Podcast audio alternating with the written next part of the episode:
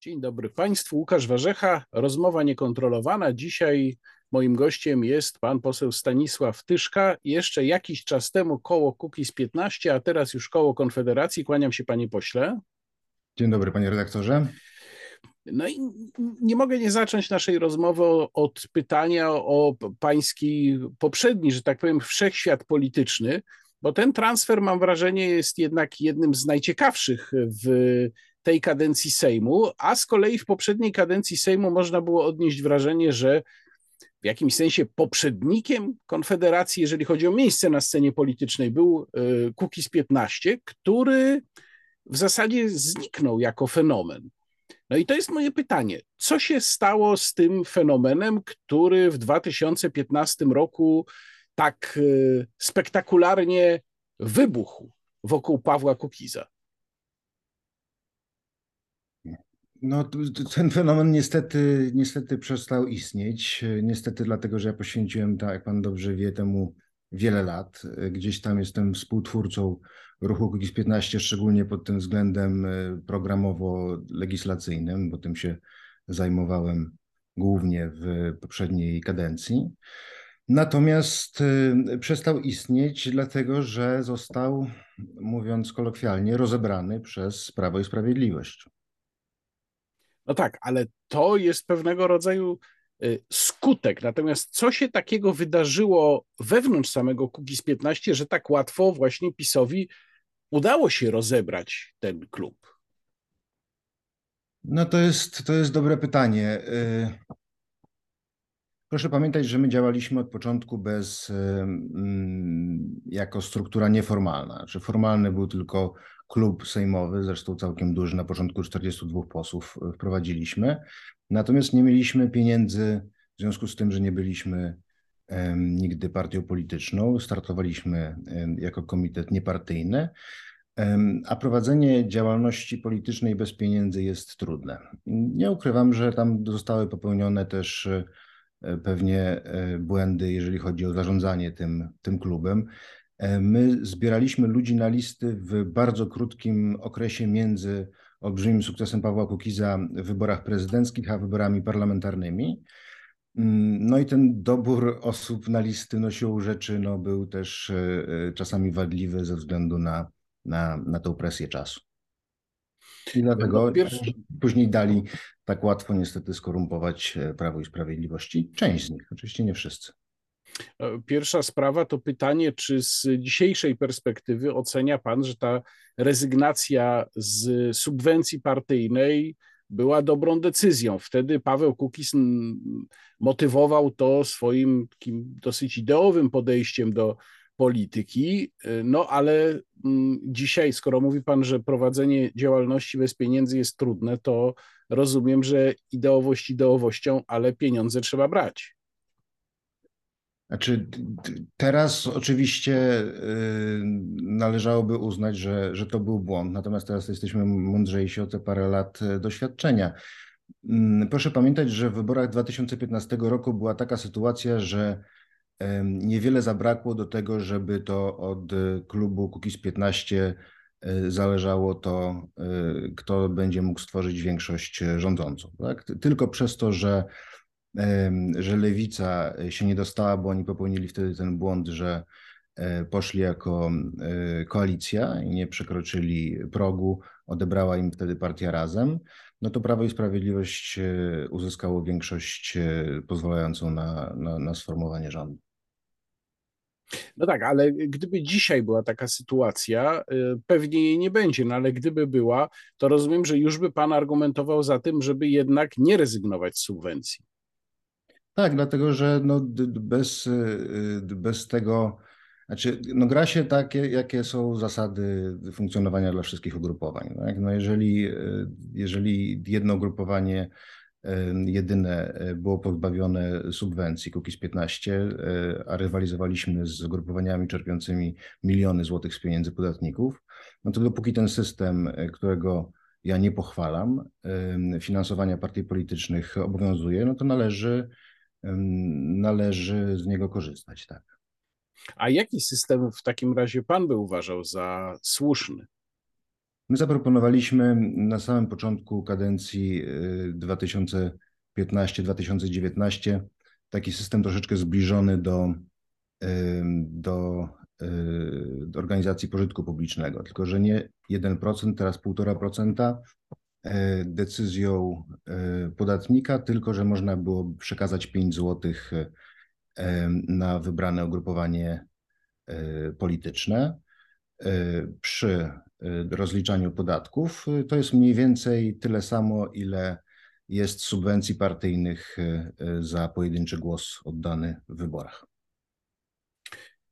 Co się działo w y, obecnej kadencji Sejmu z kołem Kukiz 15? Od dłuższego już czasu, nie jestem w stanie teraz dokładnie powiedzieć, ile to było, ale mam wrażenie, że był to przynajmniej rok, y, licząc od dzisiaj wstecz, może nawet więcej, nie chyba więcej. Y, pan w zasadzie na ogół nie głosował razem z pozostałymi członkami koła Kukiz 15, mm, no ale cały czas pan w nim pozostawał. Co tam się właściwie działo? No w pewnym momencie Paweł Kukiz niestety podjął decyzję, że będzie wspierał rząd e, Prawa i Sprawiedliwości, przy czym e, przez ponad rok ten rząd wisiał właściwie na głosach e, Pawła i, i dwóch naszych kolegów. Natomiast no, ja nie zaakceptowałem tej, tego porozumienia między Pawłem a Jarosławem Kaczyńskim i głosowałem tak jak zawsze, czyli głosowałem zgodnie z sumieniem z mm, moją wiedzą i z tym, czego uważam, że oczekują, oczekują od nas nasi wyborcy. Oczekiwali przez, przez tyle lat i uznałem, że nie wolno w tym momencie nie wiadomo właściwie dlaczego, no, zawieść tych, tych oczekiwań i tego mandatu, e, który otrzymaliśmy. Paweł Kukis zdecydował się na taki ruch w związku z obietnicą, którą otrzymał, że wejdzie y, bardzo przez niego hołubiony projekt y, sędziów pokoju. Ten projekt nie wszedł do tej pory, y, to znaczy no nie wszedł w życie po prostu. Czy pan uważa, że Jarosław Kaczyński Pawła Kukiza od samego początku zwodził i oszukiwał, czy też coś innego się wydarzyło? Na przykład okazało się, że z obiektywnych powodów konstytucyjnych ten projekt jest nie, nie do przeforsowania. Ten projekt jest do przeforsowania. Ja sam stworzyłem tą koncepcję, y, długo nad nią z gronem ekspertów y, pracowałem, później ją promowałem. Uważam, że to jest, to jest zasadniczo kierunek, kierunek właściwy. Y, natomiast otwierając nawias, oczywiście, że Paweł był zwodzony i jest zwodzony, oszukiwany przez Jarosława Kaczyńskiego, wytrawnego taktyka. Paweł no, nie jest tak wytrawnym graczem jak, jak prezes Kaczyński. Ja przed tym przestrzegałem przez wiele lat Pawła. Jeżeli chodzi o samych sędziów pokoju, to ja nie wierzę, że oni, że oni wejdą w życie. To w tym momencie jest projekt prezydencki. Przy, przy prezydencie powstała grupa, również w której są reprezentowani nasi eksperci. I projekt się pojawił, no i został zablokowany w Sejmie. Został zablokowany prawdopodobnie przez Solidarną Polskę, ale moim zdaniem Jarosław Kaczyński też, też temu nie sprzyja. To znaczy, no, po prostu no, jakoś no, gra na czas. No. To, jest, to jest projekt bardzo skomplikowany, trudny, który rzeczywiście odciążyłby e, polski wymiar sprawiedliwości z tych drobnych spraw, e, przyspieszyłby znacząco postępowania, tylko proszę zauważyć, panie redaktorze, że Prawo i Sprawiedliwość nie przeprowadziło żadnych e, poważniejszych reform w ciągu ostatnich siedmiu lat e, rządów, dlatego że oni są moim zdaniem e, intelektualnie, technicznie niezdolni do tego, żeby tego typu poważne reformy naszego państwa przeprowadzać. No skoro mm, o tym Pan wspomniał, to zatrzymajmy się tutaj na chwilę. Zapowiedzi Prawa i Sprawiedliwości w 2015 roku szły bardzo daleko i mówiły właśnie o usprawnieniu państwa. To miał być kontrast z poprzednimi rządami, z dwoma kadencjami Platformy Obywatelskiej. Między innymi miały być bardzo głębokie zmiany dotyczące samego procesu legislacyjnego, który zdaniem Jarosława Kaczyńskiego był po prostu źle skonstruowany. Nic z tego nie zostało zrealizowane. No i teraz można sobie zadawać pytanie moich, wielu moich widzów i moich odbiorców, moich tekstów też to pytanie mnie często zadaje, a ja nie znam, prawdę mówiąc, tutaj jakiejś definitywnej odpowiedzi. Dlaczego właściwie tak się stało? Czy to jest tak, że mm, za tym stoi jakiś głębszy plan, niektórzy się tu dopatrują jakiejś teorii spiskowej? Czy to jest tak, że obecna władza utkwiła w bieżączce, poza którą już nie jest w stanie wyjść? Czy to jest tak, że ktoś jej rzucał kłody pod nogi, jak to często sama władza prezentuje, mówiąc również o jakichś czynnikach międzynarodowych? Gdzie by pan upatrywał przyczyny, dla której rzeczywiście nie udało się państwa instytucjonalnie usprawnić. No jest jeszcze, przepraszam, jedna hipoteza, czyli taka, że Jarosław Kaczyński tego w ogóle nie chciał, ponieważ on lubi rządzić w inny sposób i w ogóle nie interesuje go usprawnianie instytucjonalne państwa. No ja myślę, że nie było, nie było zainteresowania y, Jarosława Kaczyńskiego w tym kierunku. A ludzie, którzy może chcieliby ponaprawiać nasze państwo w niektórych aspektach, y, zajmowali, zajmują zbyt y, niskie stanowiska. Mm, ja, panie redaktorze, y, odkąd wróciłem do Polski ze studiów jakieś 11 lat temu, znaczy po tym jak wróciłem, współtworzyłem Fundację Republikańską. Mm, tam między innymi pracowałem z Krzysztofem Bosakiem, tam się poznaliśmy. I tam było grono kilkudziesięciu naprawdę wspaniałych ekspertów e, młodego pokolenia. Część z tych ekspertów zostało później wciągniętych przez Prawo i Sprawiedliwość, e, natomiast e, na takie stanowiska, które po prostu nie, nie pozwalają na żadną sprawczość w momencie, kiedy nie ma zainteresowania tego, powiedzmy, tam naczelstwa. I ja pamiętam, jak wszedłem do prezydium Sejmu y, jako młodszy o 8 lat człowiek pełen y, szczytnych idei i zainteresowany w szczególności tym procesem legislacyjnym, bo ja się tym zajmowałem wcześniej też koncepcyjnie. I nagle zderzyłem się z sytuacją dla mnie szokującą, y, w której zobaczyłem, w jaki sposób Prawo i Sprawiedliwość podchodzi w ogóle do prawa, do procedur. Tak? No to, to, to jest jakiś taki Mm, na takie mocno y, anarchi, anarchiczne podejście, powiedzmy w ten sposób. Y, od ośmiu lat obserwuję na bieżąco degrengoladę procesu legislacyjnego i też degrengoladę parlamentu jako instytucji. Parlament jest coraz bardziej fikcyjną instytucją.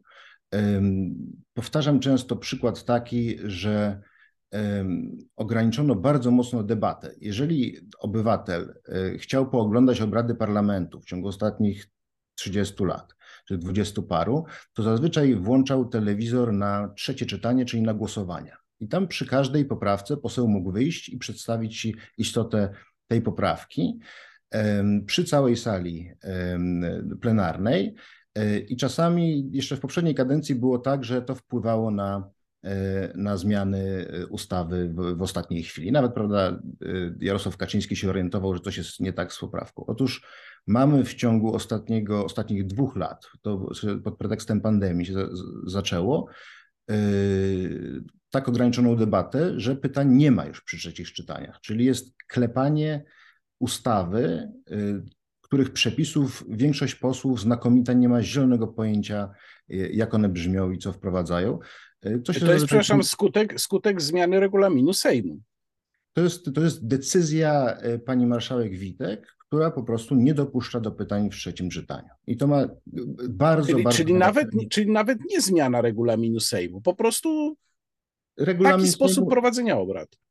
Tak, tak, tak. Ona mogłaby przywrócić spokojnie w każdej chwili te pytania i to by, to by wpłynęło w jakimś tam stopniu pozytywnie na, na proces legislacyjny. Natomiast nie chcę tego robić, dlatego że no, parlament jest taką maszynką do głosowania, do klepania prawda, pomysłów e, e, lepszych lub gorszych e, rządu.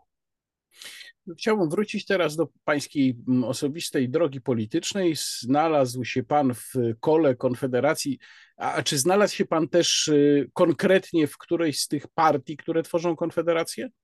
Tak, ja jestem członkiem, pierwszy raz w życiu od, od paru miesięcy członkiem partii, partii Nowa Nadzieja i zaprosił mnie do niej E, pan prezes e, Sławomir Mencen. No i on mnie przekonał do, mm, do wstąpienia do, do Konfederacji, przy czym my mieliśmy bardzo długo, no, prawie całkowitą zbieżność, jeżeli chodzi o głosowania, także dla mnie to był, e, to był naturalny wybór. No, w szczególności też wobec tego, co się, co się w ostatnich latach działo. To znaczy mówię o, o reakcji państwa na, na pandemię i, i teraz na wojnę. Tak? No tutaj muszę zapytać o to, co zawsze się, czy bardzo często, może nie zawsze, pojawia się w komentarzach do tego pańskiego transferu. Niektórzy twierdzą, że Stanisław Tyszka to jest człowiek demolka, który rozwali każdy klub i tu cytuję, rozwalił już klub Kukiza, teraz będzie rozwalał klub Konfederacji. Jak pan się odnosi do tego typu komentarzy? Ja wiem, z czego one wynikają. To znaczy, one wynikają z, z, rzeczywiście z roli, jaką ja odgrywałem przez wiele lat y, w Kukiz 15. Ja bardzo mocno stałem na straży y, niezależności y, i ideowości naszego ruchu.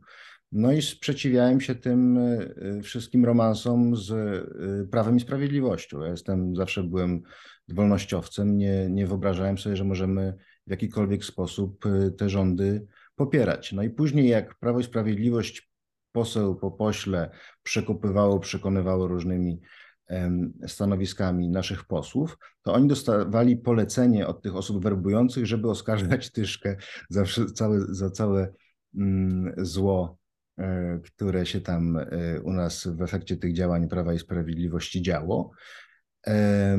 Dlatego, że moim zdaniem oni mieli y, od początku taki pomysł, że może się Pawła Kukiza kiedyś, kiedyś uda przekonać do współpracy, co im się niestety y, w końcu udało. Znalazł się pan w Konfederacji mniej więcej w tym samym momencie, kiedy następował, no może rozpad to jest za mocne słowo, odejście grupy posłów z koła Konfederacji, Artur Dziambor, Jakub Kulesza i Dobromir Sośnierz. W końcu odeszli, to się stało chwilę po pańskim e, wejściu do Konfederacji. E, no i mm, pan również wystartował w tych prawyborach, w których teoretycznie rzecz biorąc mógłby startować Artur Dziambor. Mówię tutaj o prawyborach Konfederacji na mm, pierwsze miejsca na listach. Czy w związku z tą sytuacją pan odczuwał jakiś dyskomfort? Czy, czy panowie się z Arturem Dziamborem spotkali? Bo zdaje się, że Artur Dziambor na tych prawyborach był, tylko nie brał w nich udziału, siedział sobie z popcornem. Tak, to prawda, zrobił taki performance. Ja szczerze mówiąc nie znam e, e, dobrze Artura Dziambora, znaczy znam go bardziej z wystąpień publicznych, nie mieliśmy nigdy okazji nawet e, dłużej porozmawiać, natomiast no, ceniłem zawsze to, co robił publicznie. E, I ja wszedłem rzeczywiście w momencie jakiegoś tam konfliktu, natomiast ten konflikt, no mnie, ja nie byłem jakby elementem, stroną tego konfliktu. Rzeczywiście e, była sytuacja taka, że, mm, że ja wystartowałem w prawyborach w Gdyni Zdziwiłem się trochę, że Artur Dziambor, y, który w tej kadencji jest posłem z tego okręgu, nie wystartował w tych prawyborach, dlatego że gdyby wystartował, to ja miałbym bardzo poważne problemy y, z ich wygraniem. Y, natomiast to się udało. Uzyskałem pierwszy wynik w pierwszej turze. W drugiej turze zostałem poparty przez Wojtka Wasiakowskiego, który uzyskał wynik trzeci. No i w związku z tym będę liderem listy w okręgu gdyńskim w wyborach jesiennych. A co pan do Konfederacji wnosi? Gdzie pan widzi swoje miejsce w tym ugrupowaniu? No ja jestem w, ramach tego kształtu Konfederacji, który jest teraz, ja jestem członkiem partii, partii Nowa Nadzieja, czyli powiedzmy skrzydła wolnościowego. E, my w bardzo dużej mierze e, zwracamy uwagę przede wszystkim na gospodarkę. E, na gospodarkę, która jest w stanie bardzo kiepskim wyniku złej polityki monetarnej, polityki fiskalnej rządów Prawa i Sprawiedliwości. No to, to, są, no, to jest rekordowa w ciągu ostatnich 30 lat inflacja, czyli daleko idące zubożenie złożenia naszego społeczeństwa. Y, teraz mamy sytuację taką, że e, Platforma Obywatelska już w sposób oczywisty y, rywalizuje z Prawem i Sprawiedliwością na te pomysły mm, socjalistyczne, socjalne.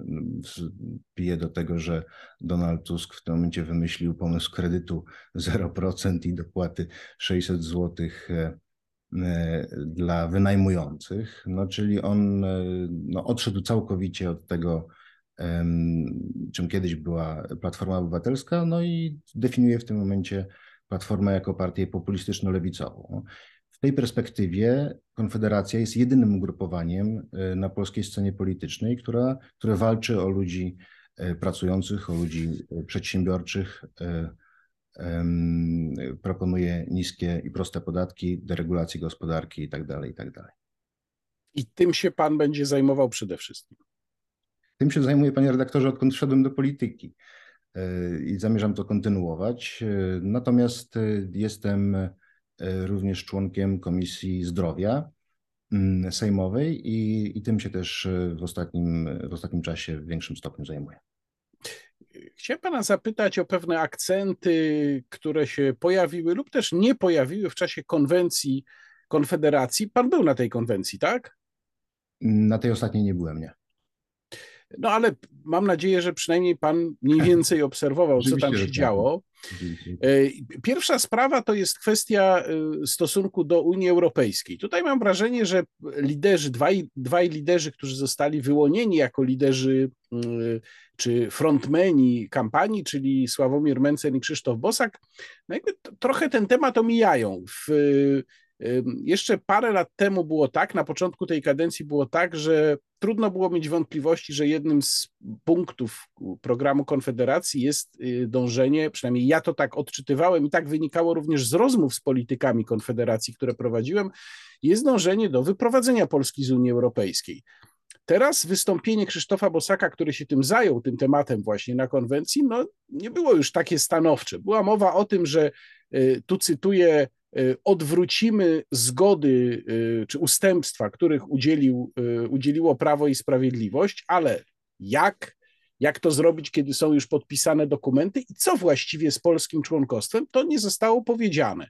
No więc mm, pytam pana jako przedstawiciela Konfederacji, co z Polską w Unii Europejskiej? Ja, panie redaktorze, byłem w tej kadencji przez jej pierwszy rok przewodniczącym Sejmowej Komisji do Spraw Unii Europejskiej. W związku z tym miałem troszeczkę lepszy wgląd w to, jak ta polityka Polski e, wobec Unii wygląda. No i wygląda tragicznie. To znaczy, to jest tak, że mm, Prawo i Sprawiedliwość utraciło jakąkolwiek sprawczość e, w relacjach e, z naszymi partnerami europejskimi ze względu na to, że nie ma umiejętności budowy odpowiednich sojuszy. Z kolei tak zwana opozycja totalna ma tendencję do tego, żeby przyjmować wszystko, co y, postanowią urzędnicy brukselscy y, jako słowo objawione na kolanach, nie, y, nie kwestionując niczego. W związku z tym ta nasza polityka naprawdę wobec Unii Europejskiej jest marna i ona jest też pełna hipokryzji, dlatego że Prawo i Sprawiedliwość macha szabelką, natomiast tak naprawdę zgadza się na wszystkie strategicznie niekorzystne dla Polski decyzje e, zapadające w Brukseli. Mówię tutaj przede wszystkim o, o polityce klimatycznej. I e, weto jest naprawdę silną bronią w momencie, jak się potrafi z niego korzystać. No, tego nie potrafił robić e, nie potrafił robić pan premier Morawiecki. Oni w tym momencie zgadzają się na wszystko. Mówię na przykład o serii podatków nowych europejskich, e, które funkcjonują e, pod kryptonimem nowych zasobów własnych.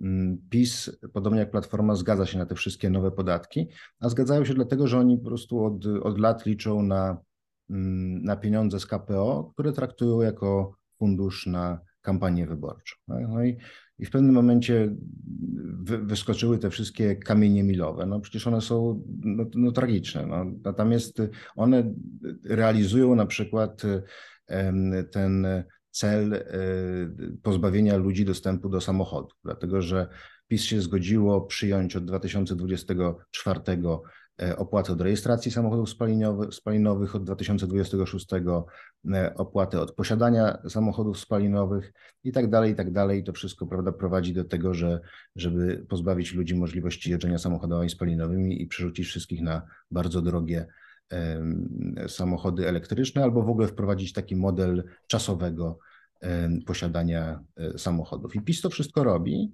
Robi dokładnie to samo, czego chce lewica Platforma e, czy PSL, tylko robi to po cichu, e, sprawiając wrażenie partii euro, eurosceptycznej. No tak, tylko y, pytanie, moje pytanie było, co z tym zrobić? Co z tym zamierza no. zrobić Platforma? To znaczy, co, y, występujemy z Unii Europejskiej, przygo przygotowujemy ja po, po lekcji, nie przepraszam, nie Platforma, tylko Konfederacja, tak, oczywiście. Bo Platforma to chyba wiemy, nie ma sensu pytać, ale co Konfederacja? Y, ja uważam, że przy umiejętności poruszania się w kwestiach europejskich, przy umiejętności konstruowania sojuszy tematycznych różnych można by dużo więcej wywalczyć przy umiejętności twardego stawiania polskich interesów, stawiania, czyli korzystania z weta. Naprawdę można by, można by zdziałać dużo więcej, tylko trzeba myśleć o sprawach polskich w wymiarze strategicznym, pokoleniowym, a nie na zasadzie takiej, że chcemy po prostu wygrać najbliższe wybory, a później to już wszystko jedno, co będzie. Czyli jednak w Unii zostajemy, tylko musimy się nauczyć inaczej w niej grać, tak? Dobrze rozumiem odpowiedź. Tak, chociaż to oczywiście to jest, to jest, to jest też trudne wyzwanie, yy, dlatego że no, no Polska jest w, w nie najlepszej sytuacji. Przy czym sytuacja też się zmieniła yy, dosyć y, radykalnie od momentu wybuchu wojny. No, to, jest, to sytuacja geopolityczna no jest, jest w tym momencie zupełnie inna. Natomiast... Ale to jest z punktu widzenia członkostwa w Unii bardziej na tak czy na nie ta sytuacja się zmieniła? Znaczy, w ogóle to, co jest e, istotne, jeżeli chodzi o nasze członkostwo, no to jest jakaś tam kwestia bezpieczeństwa, tak, e, długofalowo. Natomiast ja byłem zdziwiony bardzo mocno jednym, jedną sytuacją. Znaczy, mi się wydawało, że jeżeli Polska w tym momencie bierze w bardzo dużym stopniu na siebie Polacy, podatnicy, koszt przyjęcia uchodźców, e, to głównym zadaniem e, rządzących e, na czele z Mateuszem Morawieckim, Andrzejem Dudą będzie załatwienie wsparcia na gruncie Solidarności Europejskiej, wsparcia dla Polski, tak, która bierze w tym momencie największy ciężar ze wszystkich państw świata, jeżeli chodzi o, o przyjęcie uchodźców. I tam padło takie w pewnym momencie no, no, szokujące zdanie z ust prezesa Kaczyńskiego, który powiedział, że my się nie będziemy prosić o żadne pieniądze na pomoc dla uchodźców. No i to moim zdaniem też pokazuje no, dobrze dosyć elementy tej polityki Prawa i Sprawiedliwości, no polityki szkodliwej, tak, no bo oni nie wydają w tym momencie pieniędzy swoich, tylko wydają pieniądze podatników. Jeszcze muszę spytać o y, słowa Krzysztofa Bosaka. Cofniemy ustępstwa PiS, bo skoro pan był przewodniczącym Komisji do Spraw Unii Europejskiej, no to to jest pytanie, na ile rzeczywiście to jest tylko retoryka wyborcza, na ile to jest realna obietnica, coś, co można osiągnąć? Co można tak naprawdę cofnąć jeszcze? To jest, znaczy ja myślę, że można, y, że można wiele rzeczy cofnąć. No to trzeba by wchodzić w, w, w, konkretne kwestie. Na przykład, nie wiem, w ostatnich dniach słyszymy, że jednak producentom y, niemieckim samochodów no przeszkadza ta kwestia wycofania się y, z, z możliwości rejestrowania po tam 1935 roku tych samochodów spalinowych. W związku z tym no, można wchodzić w różne sojusze i starać się te absurdy polityki energetyczno-klimatycznej w jakiś sposób jednak, jednak tonować. No natomiast no powtarzam, trzeba chcieć. No to tyle.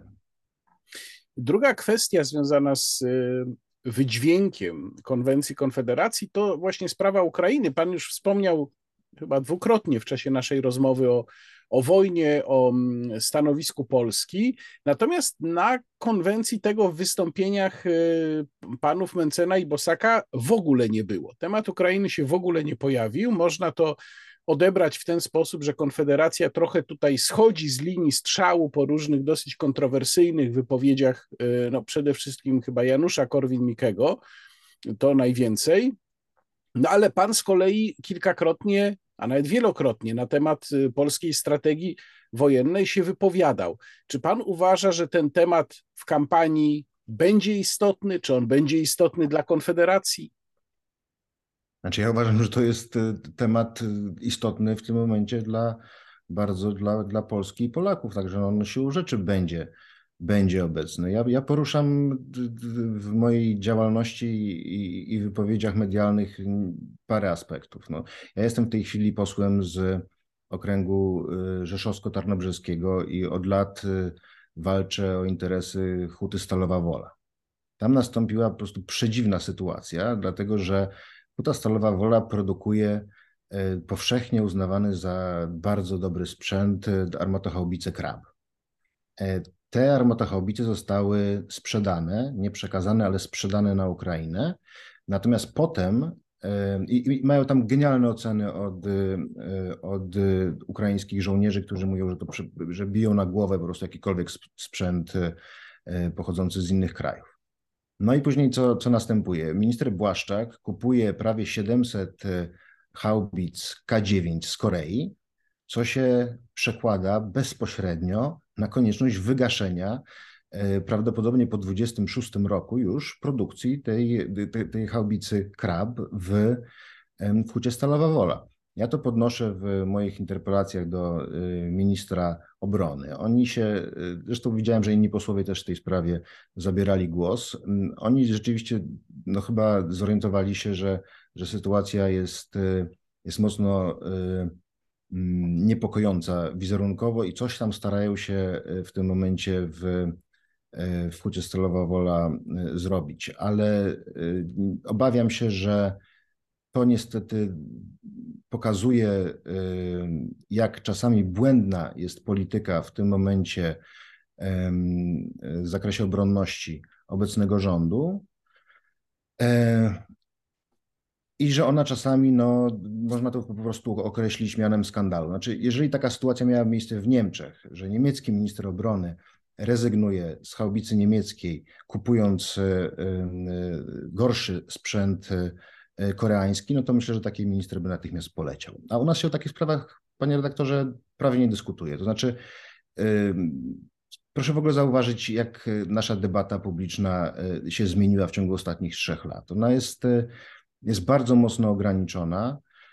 Najpierw pod pretekstem pandemii, E, teraz pod pretekstem wojny. PiS i Platforma się zasadniczo zgadzają co do głównych kierunków naszego państwa, e, zgadzają się z nimi popierające je media, co bardzo mocno ogranicza jakiekolwiek głosy zdrowego rozsądku i pytania o to, w jaki sposób wydawane są pieniądze podatników. Tak? No to doprowadziło do, do tej inflacji, tak? dlatego że oni zaczęli w pandemii E, drukować po prostu y, miliardy, setki miliardów pustego pieniądza i to się przełożyło w tym momencie na naprawdę drastyczne zubożenie Polaków. Jeżeli ktoś e, na początku rządów PiSu miał 3000 e, zł oszczędności, to spadek siły nabywczej jest taki, że w tym momencie ma 1500 zł, 3000 do 1500 zł oszczędności. No, to jest uderzenie bardzo mocne w pracujących Polaków po to, żeby no, tymi pieniędzmi e, kupować ich głosy. Ja mam nadzieję, że, że to się na jesieni zmieni, dlatego że ja liczę, że mimo pewnych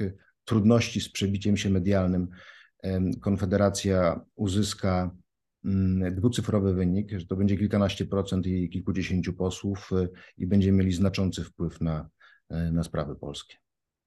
No to skoro pan o tym powiedział, to jest pytanie o zdolności koalicyjne Konfederacji. Różne głosy się odzywały również właśnie z wnętrza koła Konfederacji dotyczące ewentualnej mm, koalicji, gdyby taka propozycja rzecz jasna padła. No i właśnie tutaj jest pytanie, czy Konfederacja jest gotowa, czy powinna Pańskim zdaniem wejść e, w układ koalicyjny z Prawem i Sprawiedliwością, czy z kimś innym, e, gdyby otrzymała zapewnienie, że e, będzie miała realny wpływ na jakiś sektor rządów, albo że jakaś część waszych postulatów zostanie zrealizowana? Ja myślę, że w tym momencie będziemy obserwować takie medialne wpychanie nas w koalicję z e, Prawem i Sprawiedliwością, i to zarówno przez polityków Prawa i Sprawiedliwości, jak i przez polityków e, Platformy Obywatelskiej. Przy czym nam jest bardzo daleko do Prawa i Sprawiedliwości.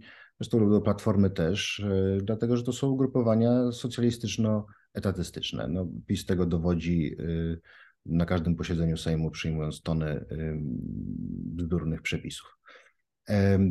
Rozmawianie o tym, co będzie po wyborach, jest przedwczesne, bo zobaczymy, jaka będzie decyzja wyborców. Proszę też zauważyć, że Konfederacja jest ugrupowaniem ludzi stosunkowo młodych, jak na, jak na polską politykę. Nie mówię nawet o wyborcach, tylko mówię o, o liderach.